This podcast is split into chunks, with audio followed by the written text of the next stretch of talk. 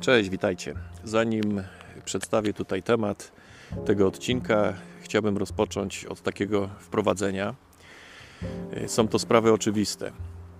Celem naszego Ojca w niebie jest pomaganie, służenie swoim dzieciom, po to, żebyśmy my osiągnęli cel, który ma chyba każdy człowiek, a tym celem jest osiągnięcie pełni radości, pełni szczęścia.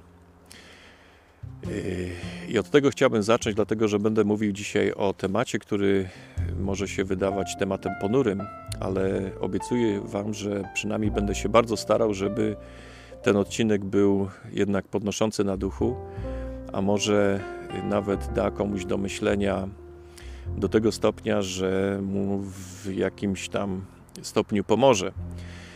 Być może są tutaj osoby, które mnie słuchają, które cierpią na depresję, a może są także osoby, które znają osoby, które cierpią na depresję i czasami nie wiemy, jak takiej osobie pomóc i czy w ogóle można jej pomóc.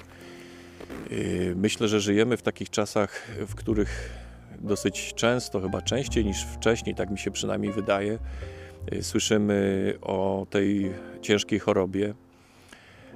I na szczęście coraz więcej ludzi zdaje sobie sprawę, że jest coś takiego jak depresja. Kiedyś było, można powiedzieć, takie przegięcie w jedną stronę. Kiedyś ludzie kompletnie nie rozumieli, że człowiek może znajdować się w takim ciemnym miejscu, niezależnie od okoliczności, w których się znajduje, niezależnie od tego, czy świeci słońce, czy, czy słońce nie świeci, czy jest wiosna, czy jest zima. Czy doświadczyli jakichś dramatycznych przeżyć w życiu, czy też nie. I w niektórych przynajmniej przypadkach jest to zupełnie sprawa, która nie jest, na którą nie mają żadnej kontroli, albo przynajmniej większej kontroli. I to jest prawda. Kiedyś było tak, że kiedy ktoś zwierzał się ze swojego przygnębienia, albo widać było, że, że przechodzi przez depresję, to udzielaliśmy mu takich wspaniałych porad. Weź się w garść, głowa do góry, nie łam się, ptaszki śpiewają, życie jest piękne i tak dalej, i tak dalej. Młody jesteś, zdrowy, dasz sobie radę, tylko się nie łam. Tak to było kiedyś i z tego, co mi mówił mój przyjaciel Kuba, bo właściwie wszystko, co wiem o depresji, to wiem od niego, no i tam z kilku jakichś artykułów, których, które przeczytałem, to takie porady nic nie dają, a wręcz przeciwnie, tylko są powodem jakiejś tam dodatkowej frustracji, bo pokazują tylko, że ludzie nie mają kompletnie zrozumienia, a w niektórych przypadkach nawet to oznacza, że nie starają się zrozumieć takiej osoby i nie zależy im na tym, żeby im pomóc. Tak było kiedyś i być może czasami bywa podobnie i w naszych czasach, nie wiem.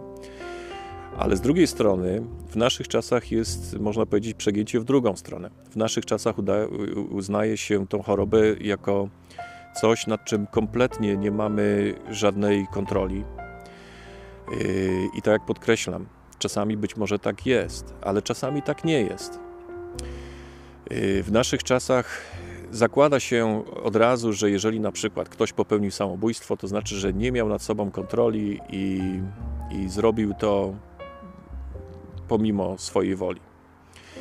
Dlaczego uważam, że jest to niewłaściwe, niewłaściwa postawa? Dlatego, że jest coś takiego, jak czasami no, bywa tak, że mają miejsce tak zwane serie samobójstw w jakimś tam miejscu, na przykład w jakiejś tam konkretnej szkole. W Stanach Zjednoczonych na przykład, kiedy uczeń jakiejś szkoły popełnia samobójstwo, to nauczyciele są przygotowani na to, że w ciągu paru dni albo tygodni ktoś inny może znowu spróbować targnąć się na swoje życie. Dlatego dużo się na ten temat mówi, no i jakoś stara się temu zapobiec. No bo jest coś takiego jak, jak, jak seria samobójstw. W moim mieście, w którym mieszkam parę dni temu, w ciągu dosłownie dwóch dni, miało miejsce, miało miejsce trzy samobójstwa w centrum miasta. samobójstwa, które były, które były zrobione w, no, w ten sam sposób. No i nikt mnie nie przekona, że, że to, jest, to, to jest przypadek. Statystycznie jest to po prostu niemożliwe, żeby to był zbieg okoliczności. Więc y, no jest, to, jest to, można powiedzieć, y, zjawisko zaraźliwe, przynajmniej w jakimś tam stopniu. Dlatego no, nie można y, mówić w ten sposób, że no, jeżeli ktoś popełni samobójstwo, to znaczy, że nie miał nad sobą kontroli i, i, i, chyba nie jest to dobre, żeby z takiego człowieka robić jakiegoś tam, wiecie, wielkiego bohatera, bo samobójstwo przynosi, pociąga za sobą cierpienie. Cierpienie mamy, taty, przyjaciół, rodzeństwa. I osoby, które cierpią na depresję, powinny zdawać sobie z tego sprawę, a jednocześnie ja sam nie wiem, gdzie znaleźć tutaj taki doskonały środek. Nie wiem, nie wiem dokładnie, jak, jak reagować na to, co takim osobom mówić. Yy, no bo, no bo z jednej strony zdaję sobie sprawę, że rzeczywiście w niektórych przypadkach ludzie całkowicie tracą panowanie nad swoimi nad swoim umysłem i, i po prostu można wtedy powiedzieć, że osoba zmarła na depresję, tak jak niektórzy ludzie umierają na raka, tak też niektórzy umierają także na tę chorobę. Ale nie powinniśmy z góry zakładać, że w każdym przypadku tak właśnie jest. Więc z jednej strony nie powinniśmy ludziom mówić e, weź się w garść, z drugiej strony nie powinniśmy im sugerować chyba, że słuchajcie, nie macie żadnej kontroli nad tym, co robicie, więc cokolwiek się wydarzy, to to po prostu tak, tak, tak po prostu bywa, życie się różnie układa i tak dalej. E, daję wam to do myślenia i nie daję wam tutaj, nie wiem, jakiś tam jakiegoś e, rozwiązania tego problemu, bo sam po prostu nie wiem, jakie jest to rozwiązanie. Ja, kiedy przyjaźniłem się z Kubą, to znaczy nadal się z nim przyjaźnię, no ale chwilowo nie mam, e, jesteśmy odseparowani, no bo, no bo nie ma go w tej chwili na, tej świecie, na tym świecie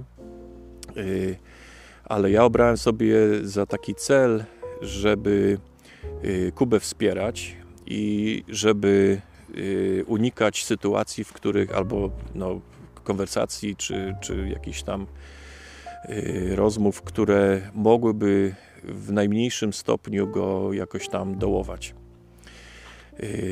Także to jest, to jest taka, no nie wiem, taki mój sposób, w którym, który stosowałem i myślę, że chyba to było dobre.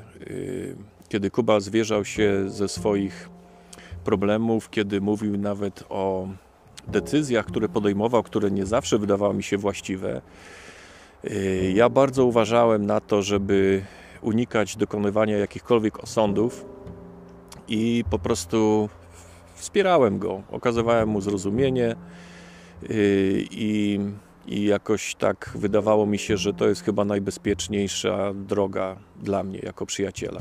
Ja dla niego byłem przyjacielem. Ja nie, nie byłem dla niego sędzią. On się mnie nie pytał, co ja bym zrobił na jego miejscu, więc ja mu nie mówiłem, co ja bym zrobił na jego miejscu.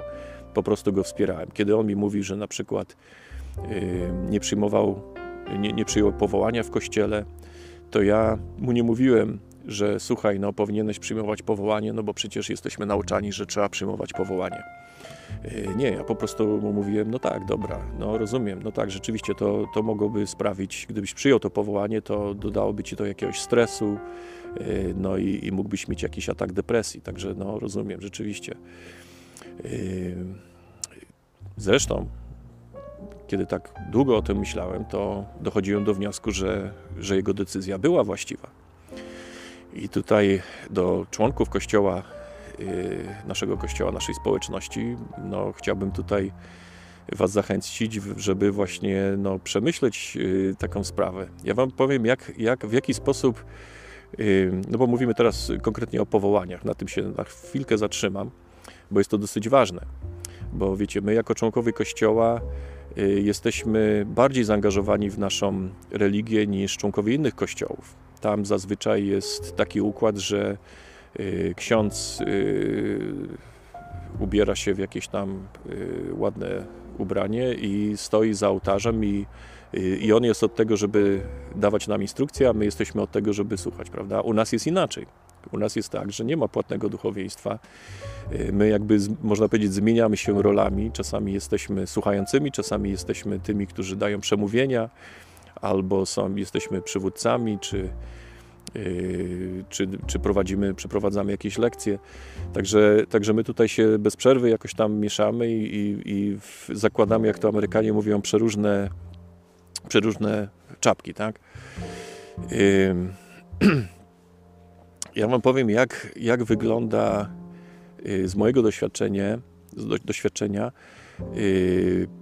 nadawanie powołań ludziom w Stanach Zjednoczonych. Tam biskup zaprasza członka gminy czy tam okręgu do swojego biura. Y, on ma wyznaczone jakieś tam 15 minut, żeby mieć czas na wysłuchanie tej osoby. Tam oni się starają, żeby to nie było robione w pośpiechu, i tam biskup nie wychodzi z założenia, że on wie wszystko, ale on zaprasza tą osobę yy, między innymi po to, żeby się czegoś o niej dowiedzieć, żeby ją lepiej zrozumieć. I tam biskup raczej nie mówi czegoś takiego. Słuchaj, nadaję ci takie i takie powołanie, czy przyjmujesz? Tam jest tak, że biskup na przykład mówi: Słuchaj, wydaje mi się, że yy, dobrze by było, Gdybyś był na przykład, nie wiem, nauczycielem w szkole niedzielnej, czy tam, żebyś była prezydentką Stowarzyszenia Pomocy. Co o tym sądzisz? I teraz biskup zamyka usta i słucha. I na przykład w przypadku mojego kolegi, on w tym momencie może powiedzieć: y, Dziękuję Ci, biskupie, to rzeczywiście byłoby fajne, ale musisz wiedzieć, że ja choruję na depresję. I niestety zbyt częste kontakty z ludźmi albo stres związany, załóżmy, z y, przygotowaniem i udzieleniem lekcji, y, to może spowodować, że ja mogę mieć kolejny atak depresji. I wtedy biskup mówi: Wiesz co, dziękuję Ci bardzo, że mi to powiedziałeś, bo nie zdawałem sobie z tego sprawy. Wiecie, jest tutaj nas tak wielu, że po prostu no, nie miałem okazji jeszcze Cię bliżej poznać. Także bardzo Ci dziękuję, że mi o tym powiedziałeś, bardzo dobrze zrobiłeś. Zastanowimy się nad jakimś innym powołaniem, a na razie y, po prostu y, musimy jeszcze poczekać. Tak to się odbywa i. Y, i, I, tak to się powinno odbywać. Wiecie, jest, jest taka zasada, która mówi, że powinniśmy przyjmować powołania, ale jak w każdej zasadzie są pewne wyjątki. Tak więc y, sposób, w jaki my rozmawiamy z ludźmi, którzy cierpią na depresję, ma, ma, y, jest bardzo ważny. Y, I szczególnie z takimi osobami, ale oczywiście ze wszystkimi osobami, powinniśmy się starać lepiej ją zrozumieć, a nie wychodzić z założenia, że my wszystko wiemy. Nie ma takiej obietnicy w Pismach Świętych, że Bóg może objawić, że Bóg musi objawić y, biskupowi wszystko na temat y, osób, którymi się on opiekuje, jako ten pasterz y, tej naszej owczarni. Nie ma takiej zasady, nie ma takiej obietnicy. Mało tego, wydaje mi się, że jest taka zasada, na którą no, wskazuje historia Kościoła, że kiedy Bóg już coś objawił, to on tego nie objawia ponownie. W tym przypadku Bóg objawił Kubie, że ma depresję, więc nie ma potrzeby, żeby objawiał tego bezpośrednio przez jakieś tam osobiste objawienie yy, biskupowi. Biskup otrzyma to objawienie z ust Kuby, który już to objawienie jakby otrzymał, jeżeli tak to można nazwać objawienie.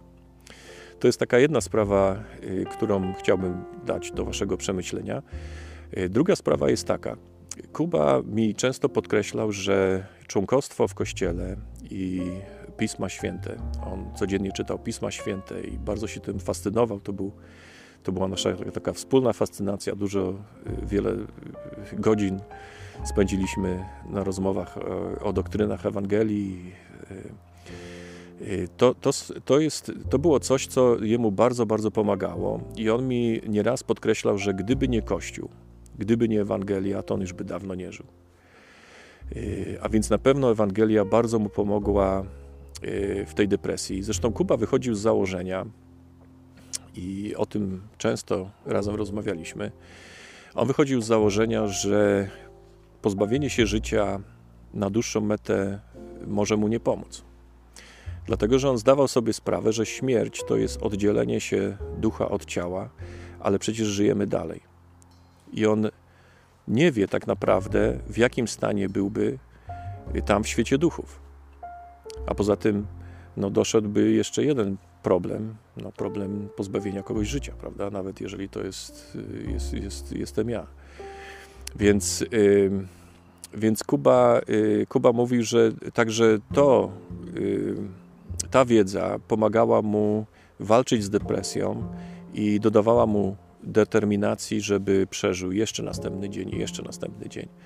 Tak więc jestem bardzo wdzięczny, że Kuba yy, przystąpił do kościoła i dane mu było spotkanie się z misjonarzami i, i otrzymał yy, potwierdzenie odpowiedzi na swoje modlitwy, że ten Kościół jest prawdziwy i że Ewangelia jest prawdziwa. To mu bardzo pomogło i, i, i nie mam żadnych wątpliwości, że przedłużyło to jego życie o wiele lat.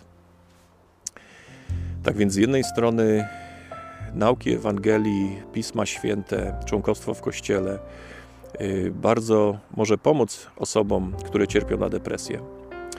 Z drugiej strony y, znam też inną osobę, która mm, oczekiwała od swojego członkostwa w Kościele tego, że zostałaby uzdrowiona z depresji. To był też bardzo fajny brat, który no, cierpiał na, na, na, bardzo głęboką depresję i on też, podobnie zresztą jak Kuba, miał schizofrenię. Yy, u Kuby to chyba się nazywało schizofrenia parano, paranoidalna. Także no, Kuba miał jeszcze tam więcej problemów. No i ten człowiek, o którym teraz mówię, to nie Kuba, tylko ten drugi, on miał takie oczekiwania od, yy, od Ewangelii, że jemu się wydawało, że po chrzcie zostanie uzdrowiony. Kuba natomiast doskonale zdawał sobie z tego sprawę, no, dlatego że rozumiał plan zbawienia, że to nie jest tak, że kiedy e, osoba na przykład e, no, cierpiąca na cukrzycę czy na nowotwór e, po chrzcie nagle zostaje uzdrowiona. Nie ma, nie ma takich, są takie przypadki, ale nie ma, nie jest to taka, wiecie, generalna zasada. Tak więc nawet na depresję to, to to, że jesteśmy członkami Kościoła, to nie znaczy, że y, nadal nie dźwigamy tego krzyża, które dane nam jest dźwigać.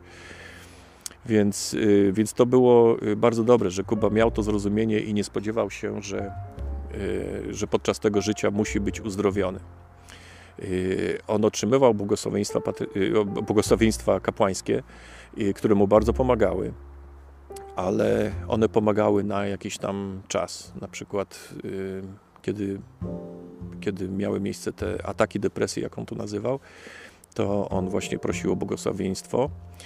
Y, no i teraz no, trzecia zasada, o której chciałbym tutaj powiedzieć i z Wami się tym podzielić, bo wydaje mi się, że to jest dosyć cenne. Y, musimy pamiętać, że Kościół ma swój cel. Jest to organizacja, która ma konkretny cel. Yy, można powiedzieć, że no, jest kilka tych celów, prawda? Yy, Kościół istnieje tutaj po to, żeby przygotować ziemię na, na ponowne przyjście Jezusa Chrystusa. Kościół jest tu po to, żeby nauczać nas yy, poprawnych zasad. Kościół jest tu po to, żeby pomagać ludziom odczuwać Ducha Świętego, żeby mogli budować swój charakter i tak dalej. To są takie jest jakby no, przeznaczenie tej organizacji. Ale Kościół nie jest tutaj od tego, żeby robił takie rzeczy, do których powołane są inne jakieś tam organizacje. Kościół na przykład nie jest, owszem, y, są przypadki uzdrowienia. Ja miałem, y, miałem możliwość być świadkiem uzdrowień w kościele dzięki kapłańskiemu błogosławieństwu, ale, ale to nie jest jakby główne Y, główna, główny cel Kościoła. To nie jest główna o, misja Kościoła. Y, my nie jesteśmy szpitalem. My, a co to, dlaczego o tym mówię? Dlatego, że y, są pewne prawdy, które, ja bym tutaj powiedział, Bóg objawił na przykład naukowcom, psychologom, które, które są lepiej przez nich rozumiane niż na przykład biskupowi czy, czy innym członkom y, Kościoła. Więc nie powinniśmy się spodziewać, że w Kościele odnajdziemy pytania na wszystkie problemy. Jeżeli chodzi o raka y, czy, czy, czy jakąś inną chorobę, y, to pomocy powinniśmy szukać nie w błogosławieństwie kapłańskim, no chyba, że otrzymamy takie natchnienie, żeby o takie błogosławieństwo poprosić, ale pomocy powinniśmy szukać u ekspertów, u lekarzy. Więc y, Kuba też dobrze zdawał sobie z tego sprawę. Zresztą, zanim na przykład wyjechał na misję, to musiał y, spotkać się z psychologiem i psycholog mógł wtedy zdecydować, czy on nadaje się na misjonarza, czy ta misja nie będzie zbyt stresowa dla niego. Zresztą w przypadku Kuby, y, co ciekawe, psycholog nie chciał się zgodzić na to, żeby służył na misji, ale Kuba się bardzo uparł i ja tu mam takie no, swój własny wkład w to niestety i no i mam takie no, poczucie winy, że chyba za bardzo Kubę zachęcałem do tego, żeby pojechał na misję. No bo właśnie, brakowało mi tej wiedzy, brakowało mi tego zrozumienia i wydawało mi się, że skoro Kościół naucza, że każdy młody, zdrowy mężczyzna powinien wyjechać na misję, to ja powinienem zachęcać mojego zdrowego, młodego yy, przyjaciela, żeby pojechał na misję. Oczywiście nie zdawałem sobie z tego sprawy, że on nie jest zdrowy. Więc ta obietnica jest jak najbardziej w 100% prawdziwa, tylko że w przypadku Kuby ja nie zdawałem sobie sprawy z tego, że on ma depresję. Nie, kompletnie nie, nie, o tym nie wiedziałem. Kuba, Kuba zawsze był śmieszny, wesoły. Yy, my razem chodziliśmy do podstawówki. Nieraz za nasze wygupy byliśmy wyrzuceni z klasy i nie mogliśmy yy, być dopuszczeni do, do dalszych zajęć bez obecności naszych rodziców. Także to był właśnie ten Kuba, którego znałem i, i nie miałem pojęcia, że on przychodzi przez depresję. Yy, tak więc, tak więc pamiętajmy, że, yy, że w książkach napisanych przez ludzi niekoniecznie należących do tego kościoła możemy znaleźć prawdy, które Bóg objawił naukowcom. Bo ta zasada pukaj, a będzie ci otwarte, szukaj, a znajdziesz, yy, ma zastosowanie także w nauce, o czym zresztą nauczają prorocy. Prezydent Kimball powiedział, że to się odnosi innymi do naukowców. Jeżeli naukowiec y, stara się odnaleźć jakąś prawdę, y, rozwiązanie jakiegoś y, problemu i jeżeli tego szuka, to on to znajdzie, że Bóg mu to objawi. Więc, więc powinniśmy się powinniśmy być wdzięczni za wszystkie błogosławieństwa, które Bóg nam daje, niekoniecznie w ramach naszych kaplic, niekoniecznie między okładkami Pism Świętych, y, ale także w innych miejscach. Ja bym tutaj jeszcze dodał y, jedno takie błogosławieństwo. Jako, jako ojciec, jako rodzic, y, zarówno moja żona, jak i ja, szczególnie moja żona, my bardzo zachęcamy nasze dzieci do czytania literatury. Uważamy, że czytanie książek pomaga człowiekowi w osiągnięciu szczęścia. Dla mnie osobiście czytanie książki to jest przeniesienie się do zupełnie innego miejsca i przeżycie fragmentu życia osoby, yy, która nie jest mną. I te przeżycia dodają mi pewnych doświadczeń w moim życiu, szczególnie kiedy czyta się książkę napisaną przez wspaniałego autora, yy, przez kogoś, kto posiada no, talent pisarski.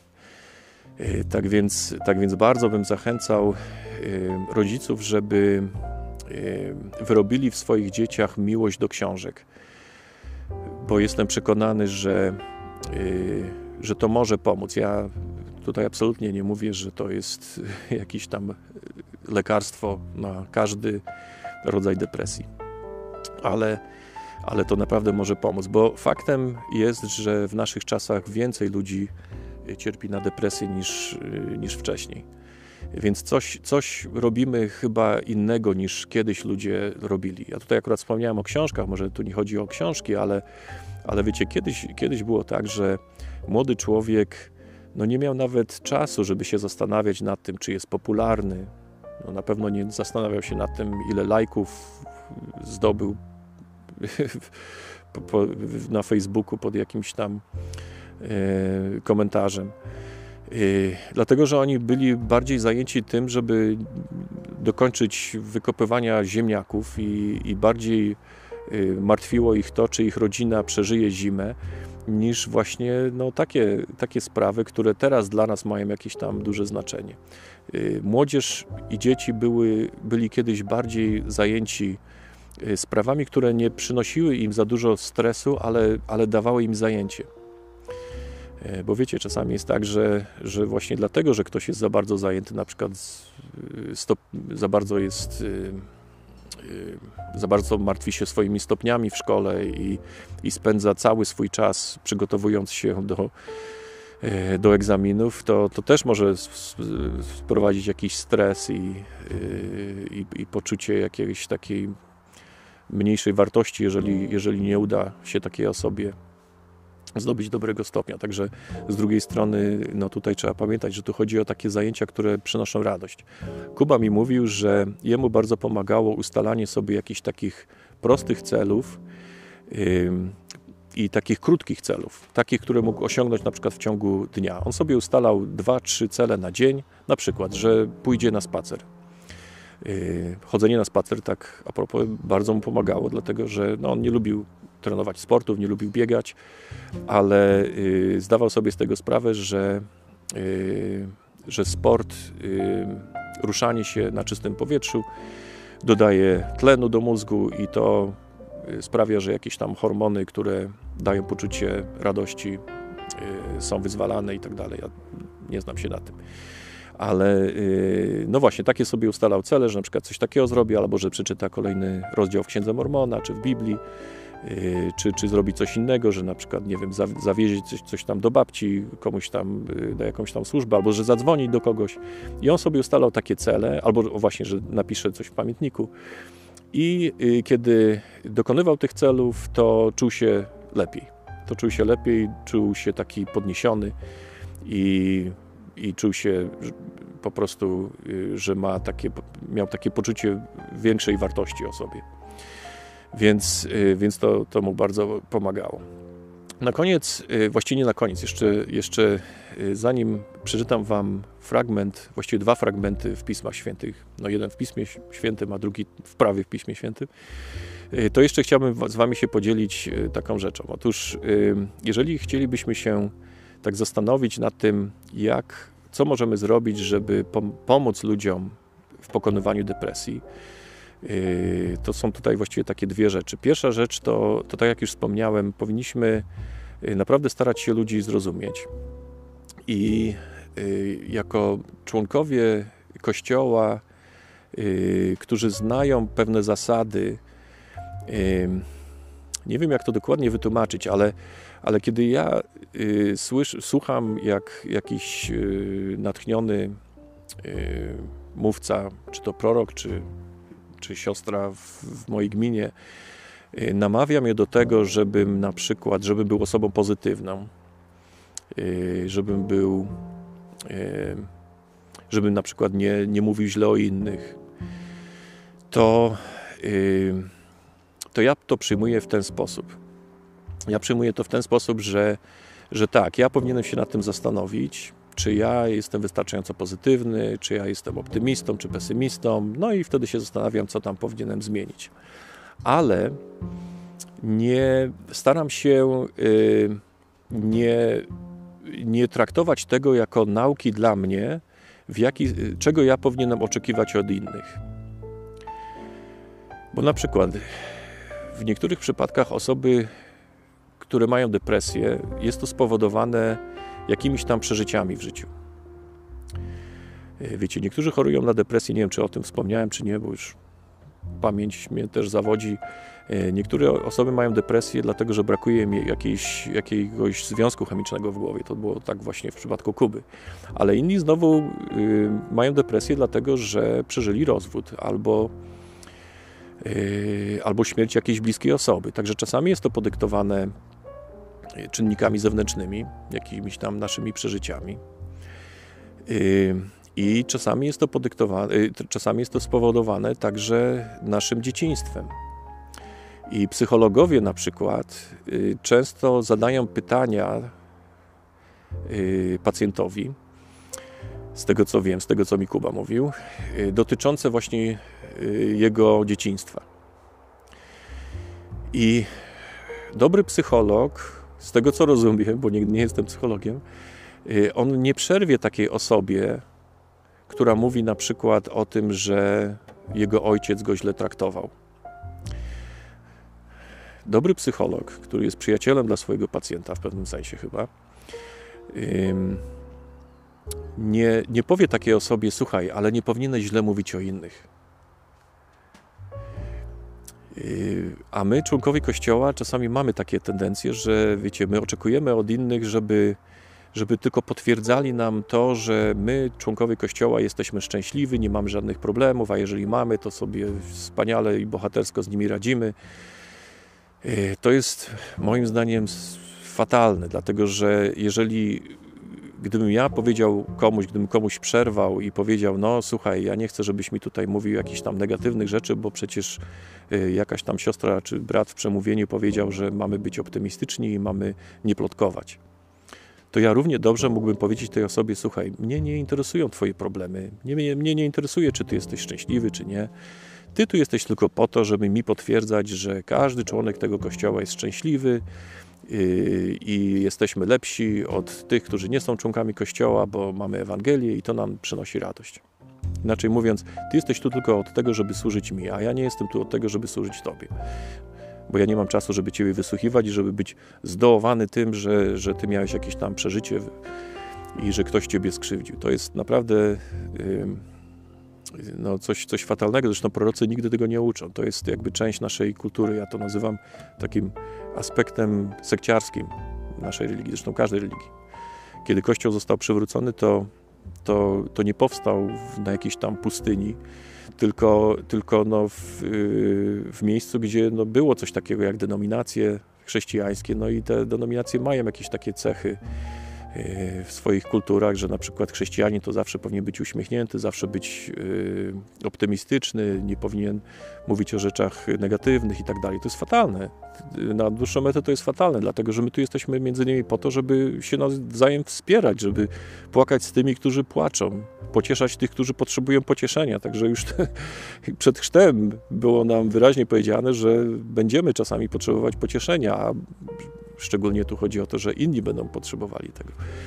Także to, to też chciałbym tutaj jakoś tam z siebie wydusić, że, że no powinniśmy pamiętać, że nie, nie jesteśmy, nie powinniśmy być jak to y, ten Grzesiuk mówił, nie powinniśmy być y, drewniakami tylko powinniśmy, wiecie, się tak trochę zrelaksować. Nadal jesteśmy normalnymi ludźmi, każdy ma tam swój charakter, każdy ma swoją osobowość i, i możemy normalnie, otwarcie ze sobą gadać o różnych rzeczach, nie tylko związanych z Ewangelią. Ja to mówię jako człowiek, który przez praktycznie kilka lat po przystąpieniu do kościoła był, można powiedzieć, takim troszeczkę fanatykiem. Brigham Young, nasz drugi prorok, powiedział, że osoba, która Y, nie czyta literatury, ale czyta tylko Pisma Święte, to jest fanatyk religijny. Nie wiem, czy wiecie, ale pierwszy budynek y, zbudowany przez Kościół w Dolinie Słonego Jeziora to był teatr. Nie kaplica, nie świątynia, ale teatr. Dlatego, że Brigham Young chciał y, przybliżyć kulturę członkom Kościoła, którzy często no, byli, byli ludźmi, ludźmi prostymi, bez, bez edukacji i zachęcał do czytania literatury.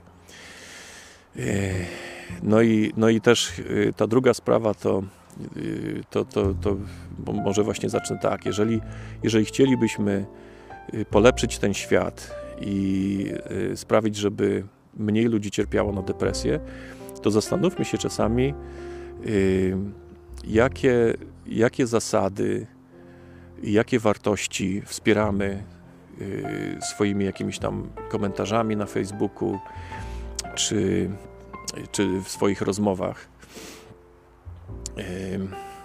Ja teraz powiem coś może, co zabrzmi trochę kontrowersyjnie, także no, nie miejcie mi tego za złe, bo po prostu no, mam taką opinię i być może ona nie jest właściwa, y, ale to przecież nie oznacza, że, no, że musicie się obrażać, prawda? Ale może to da niektórym tam coś do przemyślenia, bo Wiecie, żyjemy w takich czasach, w których e, i zaraz Wam wytłumaczę, dlaczego to jest związane z tematem. Żyjemy w czasach, w których e, stawia się niemal na piedestale e, sytuacje fatalne.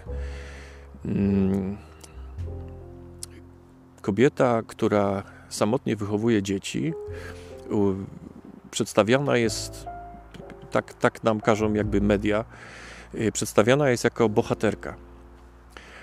Ja wiem, że w niektórych przypadkach takie kobiety rzeczywiście są bohaterkami, no bo jeżeli kobieta wychowa dzieci, mimo że jest wdową, albo mimo że opuścił ją mąż, to no i te dzieci y, są szczęśliwe i, i odnoszą w życiu sukcesy, no to rzeczywiście jest wspaniałą bohaterką.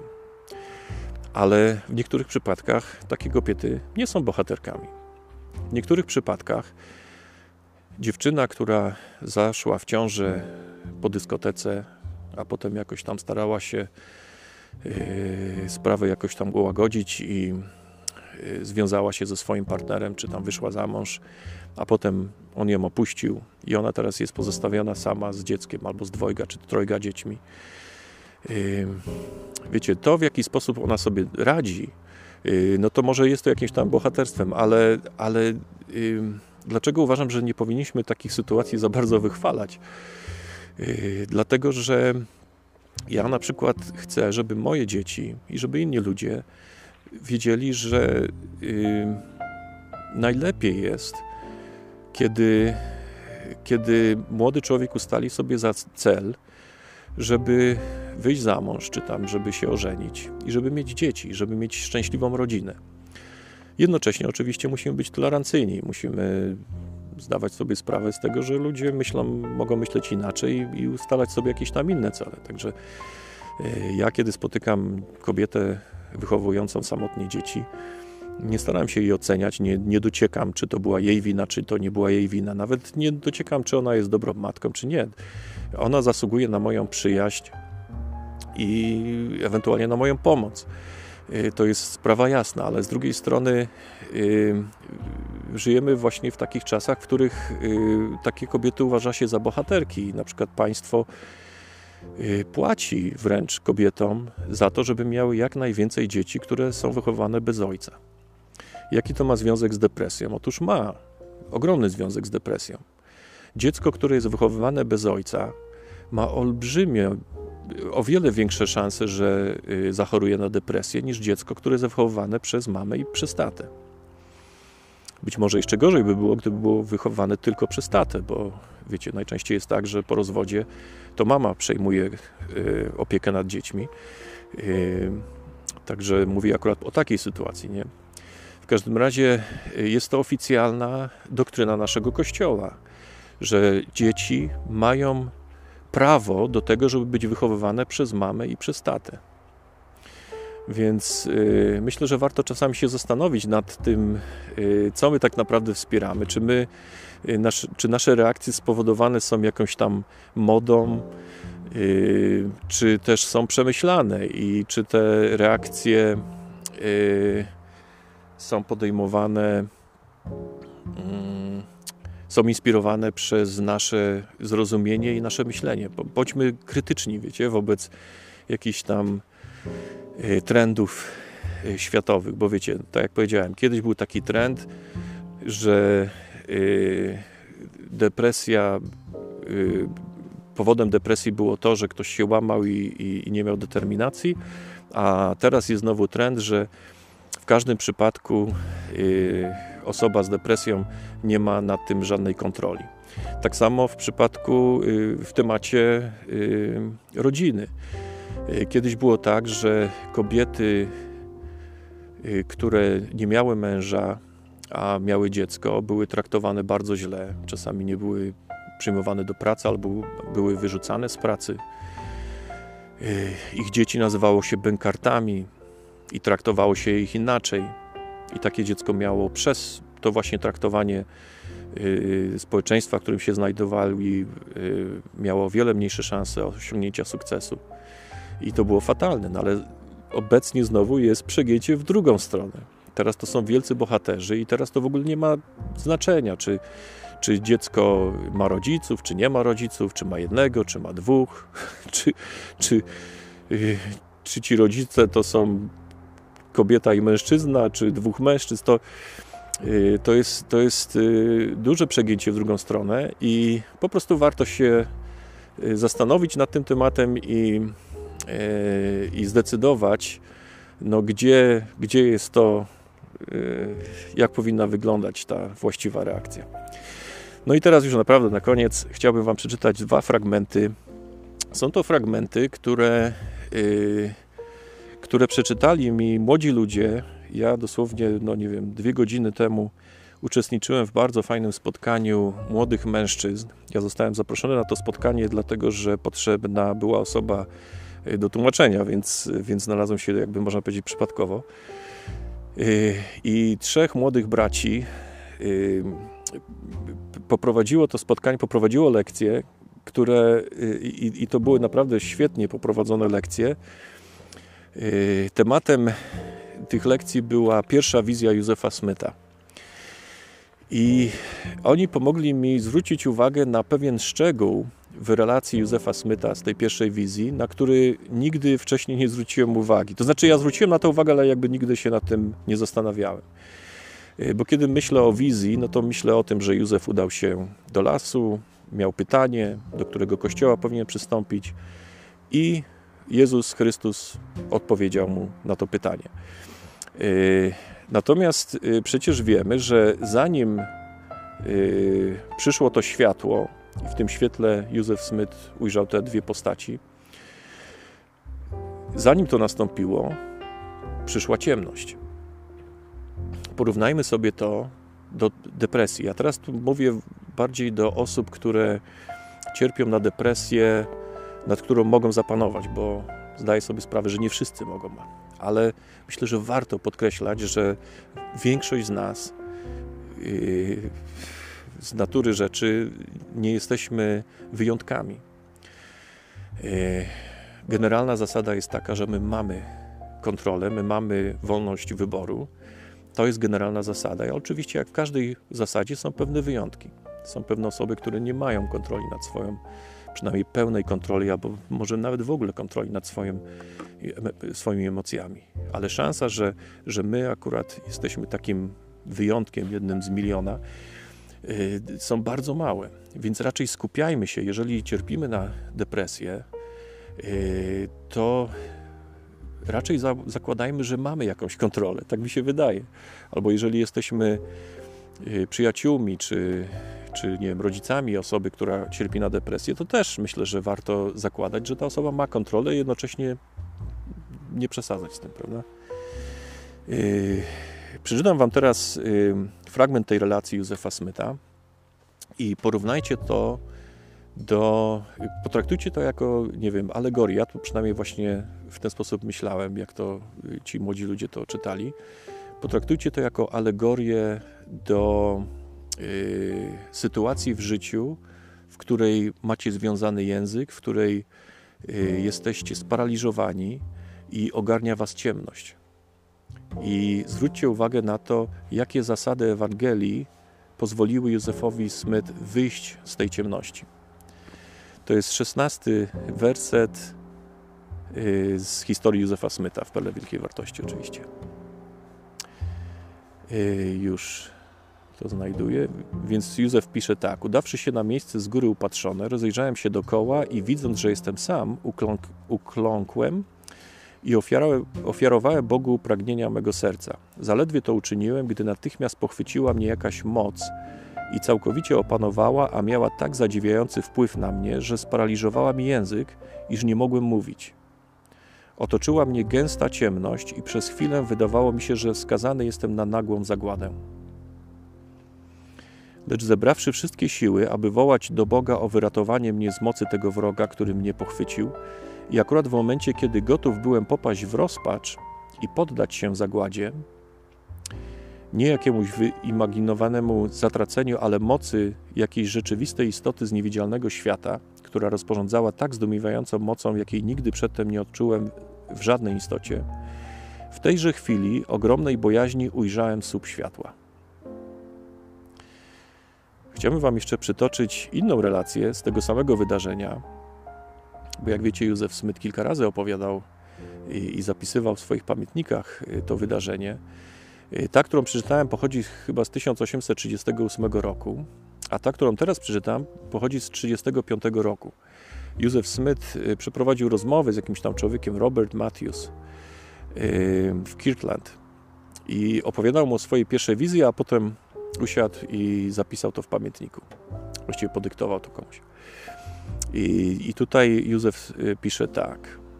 Mm, rozważając, y, no wiadomo, wcześniej y, Józef Smith miał to pytanie i rozważał, myślę, fragmenty z Biblii, które mówiły o tym, że jeżeli brak mu mądrości, to może się pytać Boga. I także fragmenty, które mówią, że jeżeli będziecie pukać, to będzie wam otworzone. Już, już, już. I Józef pisze tak. Y, on pisze, że odpowiedzi na, te, na to jego pytanie, do którego Kościoła powinien przystąpić, y, najbardziej w tym czasie pragnąłem. Zdeterminowany, i tu jest właśnie ta zasada, którą, która no, zwróciła na mnie uwagę, y, zdeterminowany, by ją otrzymać, tą odpowiedź, wołałem do Pana po raz pierwszy w życiu w miejscu, o którym wspomniałem. Wołał do Pana, on to później wyjaśnia, że chodzi o to, że on pierwszy raz w życiu modlił się na głos. Innymi słowy, bezcel, bezowocnie modliłem się. Mój język wydawał się puchnąć w ustach tak, że nie mogłem wymówić słowa. Usłyszałem za mną jakiś dźwięk, jakby ktoś się do mnie zbliżał. Ponownie zacząłem się modlić, lecz nie mogłem. Dźwięk kroków zbliżał się coraz bardziej. Wstałem pośpiesznie i rozejrzałem się, lecz nie dostrzegłem nikogo ani niczego, co mogłoby wydawać odgłos kroków. Ponownie uklęknąłem i usta me zostały otwarte, a język uwolniony.